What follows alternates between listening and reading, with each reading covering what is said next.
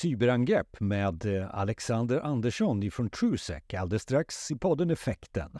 Digitaliseringens podcast. Jag heter Jonas Jani. Det finns mer än 200 avsnitt nu på effekten.se. Eh, ta dig dit eller ta dig till en valfri podcastkatalog, till exempel Spotify och lyssna på oss där. Något ämne som vi mm, har missat eller någonting som du ser att vi ska ta upp Eh, maila oss då på info effekten.se. Tipsa oss om vår nästa gäst helt enkelt. Info effekten.se. Mm. Det här med cyberangrepp, eh, det är inte så att de minskar i antal direkt. Eh, och det kommer vi prata om. Vi kommer också prata om de olika typerna av angrepp som sker. Eh, de drabbade företagen. Vi kommer ha Coop-exemplet. Coop råkade ut för ett angrepp här för några år sedan och Alexander, han var med. Åtgärder då vid angrepp som just Alexander står för och det här med återhämtning, skyddsåtgärder samt då det absolut viktigaste i det här avsnittet är väl att eh, tipsa dig hur du undviker attacker. Och lite extra material även på effekten.se till dig som är IT-administratör. Nu drar vi igång. Det här är spännande. Cyberangrepp alltså. Alexander, välkommen till podden. Tack snälla. Och det här med cyberangrepp. Alltså jag, jag, jag, jag, jag hittade dig och vi hade en dialog om det här. För jag är ju väldigt, väldigt nyfiken på eh, att det är ett aktuellt ämne och kanske bara blir mer och mer aktuellt.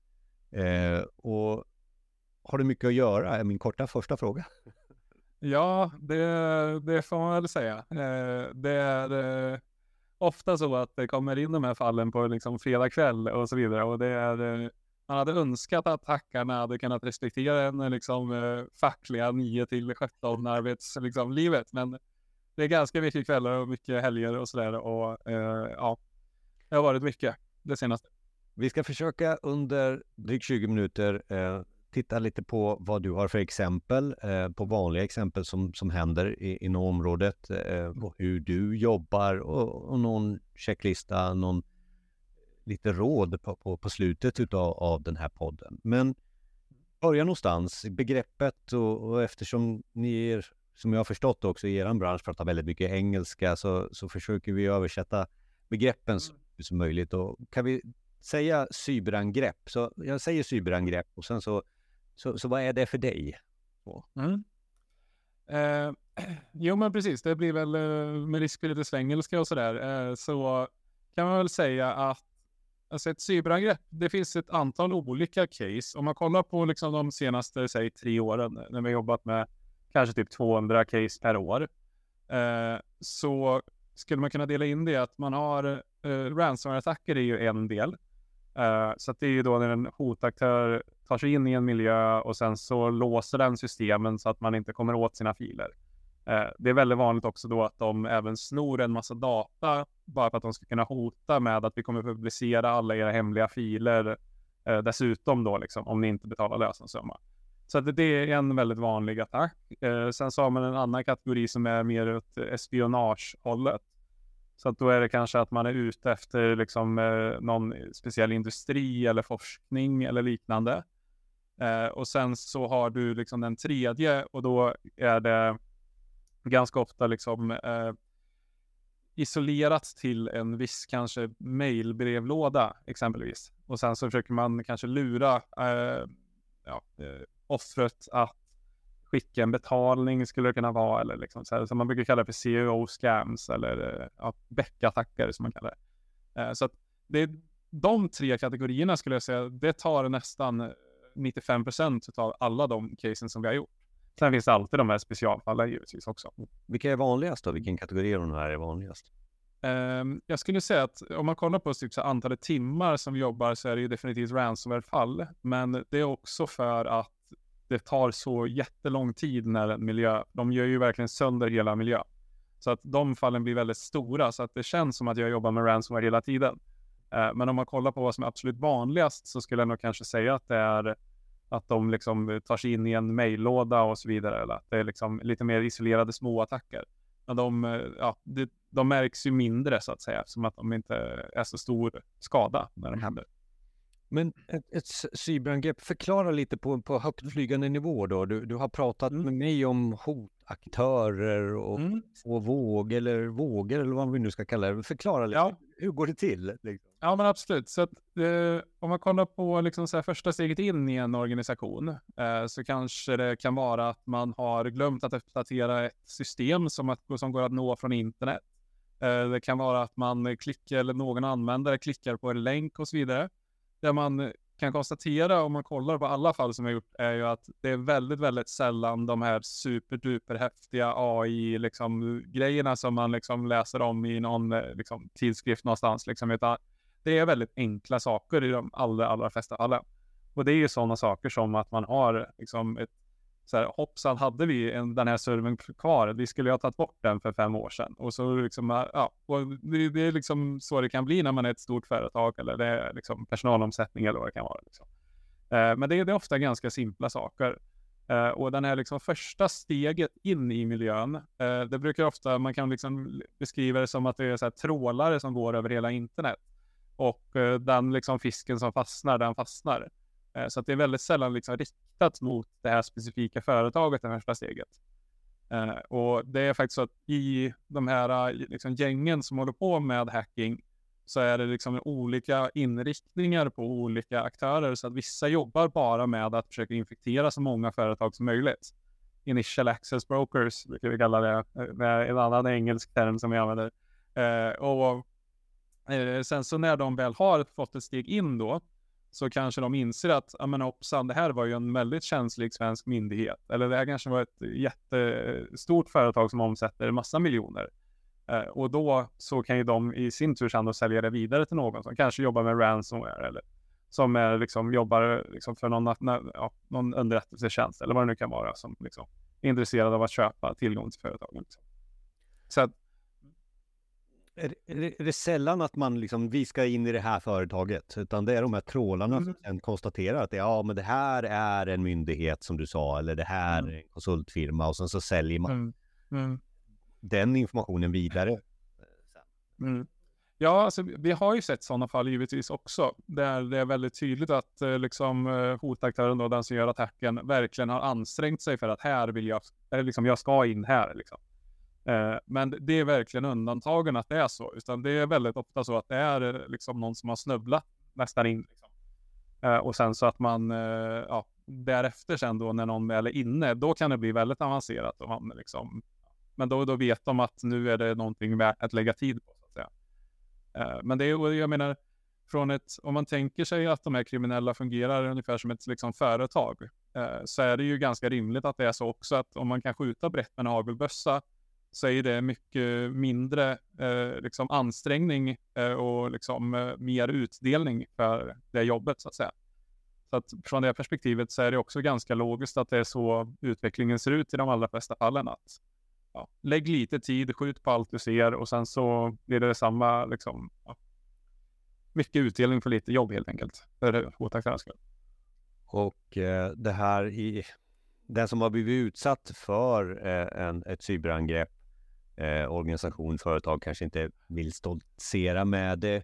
Eh, och exemplen som du kan ge oss här kan ju vara lite generella också, men Mm. det du får prata om och, och, och där du inte får prata om, men vi kan börja med det du får, får, får prata om så kan Ja. vi hitta några generella Mm. eh, tänker? För det kan vara bra att exemplifiera, tänker jag. Mm. Ja, nej men det, det är som, ja, som du säger, det är ju de allra flesta fallen får vi givetvis inte prata om. Men det finns några få som vi får det och det är ju bland annat så är det ju Coop eh, och så är det eh, eh, AdTech eh, och sen så är det eh, Softronic.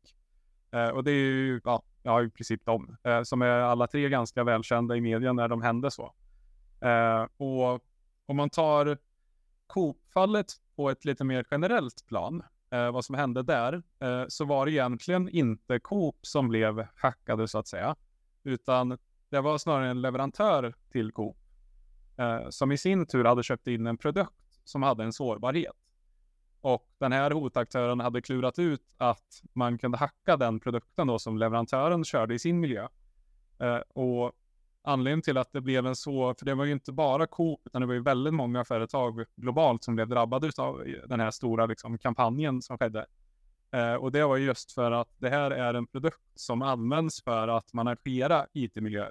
Så att de här liksom IT-personalen, IT-administratörerna använder det verktyget för att liksom uppdatera alla datorer och alla liksom, sådana liksom, saker.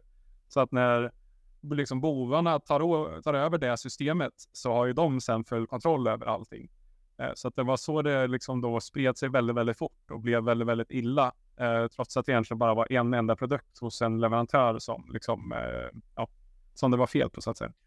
Och då kan jag tänka mig då om jag skulle vara den första boven, den här första vågen, den här, mm. de här som skjuter med hagelbössa som du pratade om tidigare, mm. så, så har jag då eh, kommit in, yes, jag kommer in, jag ser, aha, det här är en verksamhet eh, som bör ha eh, mycket pengar och jag förstår mig på mm. det. Ja, jag säljer det vidare. Är det så mm. jag tänker då? Eh. Ja, men precis. Det är ju så liksom en, de, eh, många av dem arbetar så att säga. Eh, och om man kollar på just Coop-fallet där så var det ju en, eh, en grupp som, ja, där finns, eller de, de har bytt namn nu så att säga. Eh, men eh, några av dem är arresterade faktiskt också efter det. Eh, men en grupp som heter Revil som är liksom eh, de gör, just den gruppen gör ganska mycket liksom från början till slut attacker. Eh, samtidigt som de, eh, ja, eh, i det här fallet hade liksom grävt och hittat. Och så, men det är inte nödvändigtvis de som har hittat sårbarheten, utan det kan ju vara någon annan som har suttit och grävt och hittat en sårbarhet och sen sålt till dem och så vidare.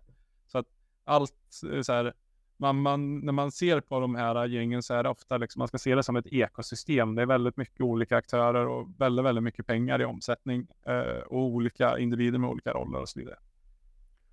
Då är det fler exempel där. Mm. Mm. Eh, vilket tänkte du på där? Ja, du hade, du, du nämnde Softronic eh, och sen så var det mm. nog mer med supply chain där också var det väl också? Ja, men precis. Eh, nej, men vi kan väl prata om alltså, supply chain som ett generellt eh, liksom, koncept. Mm. Eh, Softronic är ju ett, liksom, eh, ett, ett, ett, exempel på det kan man väl säga. Eh, för de är ju en IT-leverantör eh, och de blev ju drabbade en tid tillbaka här. sen om vi inte pratar om Softronic utan mer som kanske ett generellt koncept, att många organisationer är ju beroende av sin IT-leverantör. Eller alla är det eh, på ett sätt och vis om man inte sköter det själv givetvis. Eh, och det har ju varit ett gäng sådana olika cloudhopper i en annan sån eh, stor kampanj där de här liksom, hotaktörerna riktar in sig på just IT-leverantörer.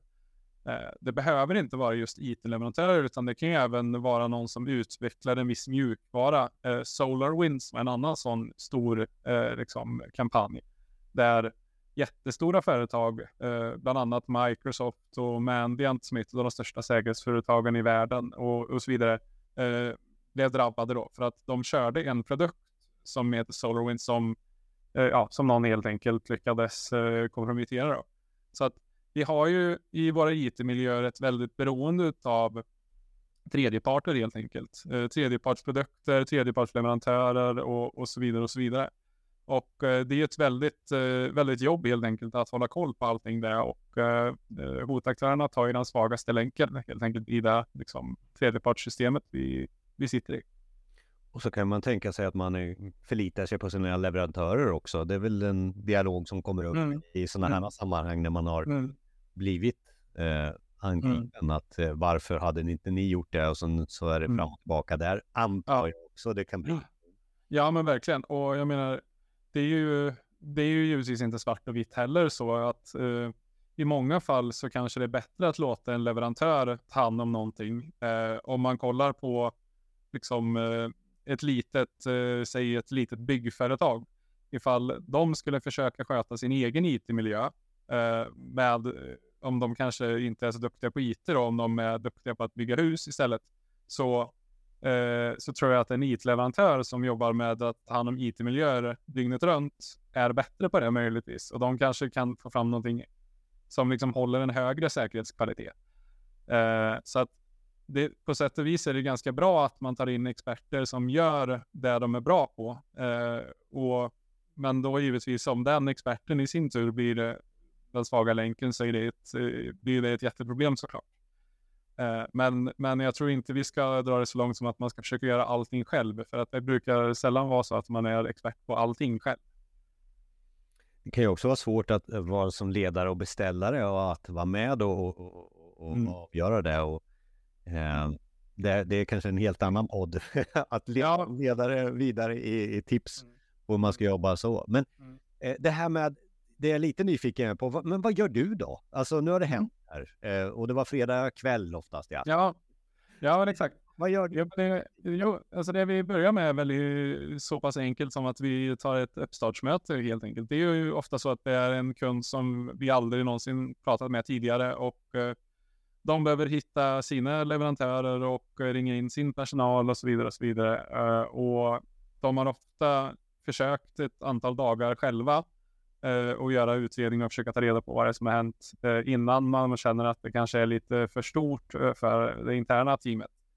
Och det, då brukar vi komma in då som liksom jobbar med det här till vardags och har ja, typ 30-40 i vårt team som bara jobbar med det här. Um, så det vi gör då är att vi tar reda på helt enkelt vad har hänt hittills uh, och sen så får vi de här liksom startpunkterna och sen så brukar vi ganska snabbt försöka dela upp oss i olika strömmar så min ström är ju den forensiska strömmen eh, och sen så finns det liksom en recovery och återställningsström som jobbar med att bygga upp IT-miljön på nytt om det är någonting som är sönder och så vidare. Så finns det liksom eh, juridiska strömmar med GDPR-frågor och så PR och alla möjliga sådana. Alltså det är ett väldigt stort eh, projekt så. Eh, men om man kollar bara på den forensiska strömmen där jag eh, jobbar så det vi brukar göra då är helt enkelt att vi ser vad vi vet från början och sen så eh, det skulle kunna vara så att säga att ja, men det här systemet har blivit krypterat. Det, vi kan inte komma åt filerna här. Eh, det sker ju inte liksom bara ut ur tunn luft, utan då brukar det ju vara så att på något sätt har de ju kommit till den maskinen som har gått sönder så att säga. Eh, så att då går vi in där och gör en forensisk analys och så ser vi att jo, men de loggade ju in från den här datorn eh, och då gör man en analys av den datorn. Och sen så går man hela kedjan bakåt och så hittar man till slut att jo men det var ju så att de kom in för att Pelle klickade på en länk där på den där datorn, den där tidpunkten. Och då har man liksom hela kedjan och vet exakt vad dotaktören har gjort i miljön. Eh, och ja, då, det är ju själva liksom målet så att ta reda på vad som har hänt. Eh, och med den informationen då så har man ju liksom rätt underlag för att eh, ta beslut om hur behöver vi göra för att slänga ut hotaktören från miljön. För vi vill ju inte att de ska kunna fortsätta sin attack, men också så att de inte ska kunna komma tillbaka om en månad. Så att vi behöver liksom stänga igen fönstret som stod öppet och gjorde att de kunde komma in så att säga. Eh, så att det, och det är i stora drag liksom vad, vad jag gör så. Så att ta reda på vad som har hänt och ta reda på hur vi ska kunna slänga ut dem. Hur, hur länge tar det här? Alltså, eh, det kan ju ta eh, upp till mm. ett år kände jag, höll på att säga. Men det, ja. det är väl, beror det på. Han skulle kanske... Ja, men jo, men verkligen. Eh, alltså det, det, tar inte så här superlång tid faktiskt. Eh, vi har, eh, om man kollar på hur exempelvis en eh, polis arbetar eh, som gör en forensisk utredning, eh, så jobbar man ju väldigt mycket med att man ska så här, göra en fullständig kopia av en hårddisk och så vidare. Så här. Det är inte riktigt så vi jobbar vi jobbar ju utifrån att det ska gå så fort som möjligt helt enkelt. Eh, samtidigt som vi också måste ha kvalitet i det vi gör. Så att vi, vi har en liksom annan approach där vi eh, helt enkelt kan göra en mycket, mycket snabbare analys. Så att vi samlar in data från eh, liksom tusentals system samtidigt som vi kör in i en stor databas och, och så vidare och så vidare. Så att det, det tar inte sådär superlång tid, men jag skulle väl kanske säga att inom eh, ett antal dagar liksom, så har man en ganska bra bild av vad som har hänt. Eh, är det en miljö med flera hundratusentals servrar så tar det ju givetvis längre tid. Men i en liten miljö så går det väldigt, väldigt fort. Det som faktiskt, sjukt nog, det som brukar ta längst tid, det är för företaget att lyckas skrapa fram ett konto så att vi kan börja jobba. Det är det som liksom är den stora flaskhalsen i varje case. Eh, och det är alltid någon leverantör som inte eh, liksom har i sitt avtal att de ska jobba övertid så att de är inte tillgängliga förrän på måndag och så vidare och så vidare. Så det är ofta de här liksom, eh, ja, projektledarfrågorna som är det som tar den stora tiden. Eh, analysen brukar faktiskt gå ganska snabbt. Vad säger du om branschen generellt? Förfrågas ni på att göra mer och mer sådana här Ja, eh, jo men verkligen. verkligen. Eh, det, det var lite intressant faktiskt efter, vi har ju, alltså det har ju varit en konstant eh, tillväxt de senaste åren eh, som ja, bara skenat iväg får man ju säga. Eh, vi trodde att det skulle bli en supereskalering efter Ukraina, Ryssland startade krig mot Ukraina. Men det vi märkte var att det blev faktiskt en dipp precis efter det hände. Eh, och den dippen höll i sig ett tag och nu har det ja, börjat öka igen. Eh, vad det beror på, det, det, kan man ju bara spekulera i. Eh, kanske hade angriparna viktigare saker att göra och eh, så. Eh, men samtidigt vill jag kanske inte, även om många hotaktörer är från Ryssland just, så tror jag inte att det, alla är ju inte där givetvis. Så att det, det är fortfarande konstigt att det är en liksom global eh, dämpning under den perioden. Eh, men det är egentligen den enda dippen vi har sett. Annars har det bara varit liksom konstant ökning de senaste åren. Och nu har jag lyssnat på det här och i alla fall jag själv blir ju väldigt nervös varenda gång jag, jag lyssnar på, på eh, just cyberangrepp och vi har ju flera mm. Eh, poddar gjorda gällande det här. Titta gärna i podcastspelaren vi har länkat. så att jag är ju nyfiken på, nu är jag ledare, jag känner också att jag är ansvarig på något sätt på det här företaget och organisationen. Hur gör jag nu då, Alexander? Eh, hur ska jag tänka? Ja, ja nej men eh, man kan väl bara börja med att konstatera att det, det krävs ett eh, långt jobb. Det finns ingen eh, fem minuters lösning eh, och man behöver jobba strategiskt över tid med de här frågorna. Eh, det man eh, ska ta med sig är väl att det är inte så att man eh, behöver ha en eh, liksom, superdyr eh, bästa brandväggen, liksom, eller bästa antiviruset för den sakens skull, utan det handlar om att man ska kanske se det mer som förmågor. Så att man behöver ha en förmåga att skydda sig. Och det är ju då brandvägg, det är bra lösenord och så vidare. Och så vidare. Man ska göra det så svårt som möjligt att liksom, eh, både ta sig in men också när man väl är inne att förflytta sig vidare. Um, Sen så har vi andra delen som är att man ska kunna upptäcka angrepp. Så att när någon väl hittar ett hål, det kommer alltid finnas hål och det kommer alltid vara så att någon lyckas ta sig in, då ska man kunna upptäcka det och man ska kunna stoppa angreppet. Eh, och sen så liksom kunna svara på det helt enkelt. Så att, men om man så säger, jag gillar ju engelska, så att det är protect, detect och respond som man brukar prata om då. Eh, och så finns det ett antal andra med recover och så vidare också. Då. Eh, så att se det som liksom de här olika förmågorna och tänk på när man kollar på liksom en säkerhetsåtgärd att är det här någonting som förbättrar våran, eh, liksom, vårat skydd eller är det någonting som förbättrar att vi kan upptäcka saker och så vidare. Eh, om man exempelvis beställer ett eh, penetrationstest eh, så är det liksom för att testa skyddet. Det kanske inte är för att testa ifall vi kan, vi kan upptäcka. Om man eh, tar en eh, eh Red Team-simulering exempelvis, då kanske man testar ifall man kan upptäcka samtidigt som och så vidare. Så att det är ju um, olika liksom förmågor och man behöver liksom se över uh, helt enkelt hela den liksom, kedjan.